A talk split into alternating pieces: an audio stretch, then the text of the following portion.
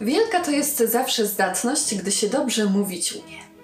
Ale jeszcze większą umiejętnością jest mówić dobrze wówczas, gdy tego konieczność wymaga. Dar ten posiadała pewna szlachetna dama, o której Wam teraz opowiedzieć zamierzam. Nie tylko wesołość i śmiech słuchaczy wywołać nieraz umiała, ale także haniebnej śmierci ujść potrafiła. W mieście Prato istniało ongiś wielce surowe i godne potępienia prawo. Według tego prawa, bez żadnej różnicy, żona, którą mąż na niecnocie z kochankiem przychwycił, spalona na stosie być musiała, równie jak i ta, co za pieniądze mężczyznom ciało swoje oddawała. Gdy prawo to jeszcze moc swoją miało, zdarzyło się, że pewna szlachetna i urodziwa dama, zakochana okrutnie, Filipą zwana, została nocą we własnej komnacie zdybana przez męża swego Rinalda w ramionach kochanka Lazarina. Urodziwego i szlachetnego młodzieńca, który równie ją miłował jak ona jego. Rinaldo na ów widok w taką wściekłość wpadł, że zaledwie pohamować się zdołał, aby nie rzucić się na nich i obojga nie zabić. Gdyby wiedział, że za swój czyn odpowiadać nie będzie, ani chybi uległby pierwszemu zapędowi i życia by ich pozbawił. Pohamowawszy się, nie mógł jednakoż odmówić sobie tego, aby zwrócić się do miejscowego sądu dla dopełnienia kary, której sam dopełnić nie mógł. Zebrawszy dostateczne dowody świadczące o wiarołomstwie żony, rankiem następnego dnia, nikogo uprzednio o radę nie pytając, wniósł do sądu skargę na Filipę.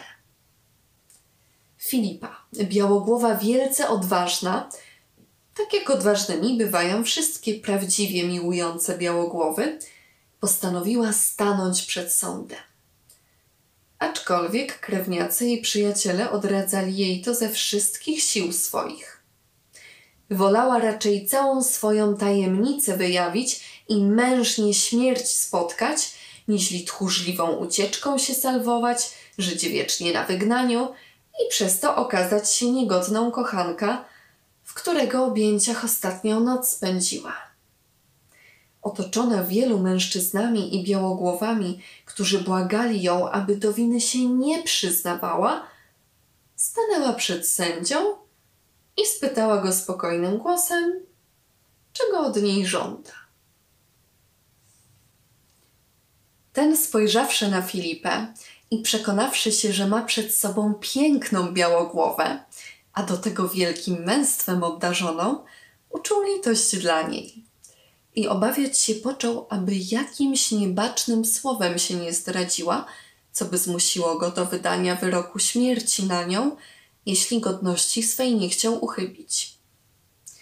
Nie mogąc jednak uniknąć zapytania jej o to, co jej zarzucono, sędzia rzekł: Hmm, jak widzicie, Madonno, mąż wasz Rinaldo jest tutaj obecny. Wniósł on na was skargę, twierdząc, że na wiarołomstwie przychwycił. I dlatego też domaga się ode mnie, abym zgodnie z istniejącym prawem śmiercią was za to ukarał. Nie będę mógł jednakoż uczynić tego, dopóki sama do winy się nie przyznacie.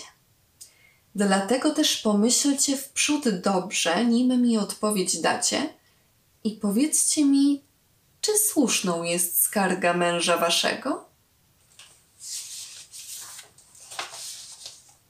Dama, wcale się nie zmieszawszy, odpowiedziała mu ujmującym głosem.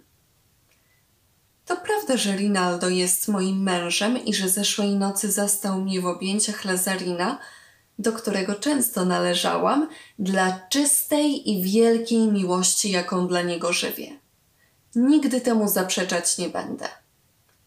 Jednak mniemam, że wam wiadome jest, iż prawa powinny istnieć dla wszystkich i że ustanawiać je winno się za zgodą tych, co im podlegać mają a w tym jednak wypadku sprawa ma się całkiem inaczej. Prawa te srożą się tylko nad biednymi kobietami, które o ileż łatwiej niż mężczyźni zdołałyby zaspokoić wielu. Oprócz tego zważyć trzeba, że ani jedna kobieta nie wyraziła swej zgody na ustanowienie tego prawa, a takoż o wyrażenie swego mniemania proszona nie była. Dlatego też prawo to niesprawiedliwym nazwać trzeba. Jeśli chcecie je wypełnić na zgubę ciała mego i waszej duszy, czyńcie swoją powinność. Nim jednak do sądzenia mnie przystąpicie, proszę, abyście mi małą łaskę okazali i spytali męża mego, czy nie byłam mu posłuszna, ile razy chciał tego i czy kiedykolwiek pragnienia jego całkowicie nie wypełniła. Rinaldo, nie czekając na zapytanie sędziego, odparł, że jego żona w samej rzeczy po dobrej woli wszystkie jego pragnienia wypełniać była zwykła. A zatem, rzekła dama, jeśli brał ode mnie zawsze wszystko, czego pragnął i co mu się podobało, cóż miałam i mam czynić z resztą, która mi pozostała? Miałam ją psom rzucić? Czyż nie lepiej ugościć nią szlachetnego młodzieńca, miłującego mnie nad życie własne, niż zmarnować ją niegodnie? Do sądu na sprawę pani Filipy, osoby tak znamienitej, zeszli się prawie wszyscy mieszkańcy Prato. Usłyszawszy jej wdzięczną odpowiedź, gromkim śmiechem wybuchnęli i jak jeden mąż zawołali, że słuszność jest po jej stronie. Zanim się rozeszli, uległszy namowom sędziego, zmienili więc niesprawiedliwe prawo i postanowili, aby tyczyło się ono tylko tych kobiet, które dla pieniędzy mężów zdradzają.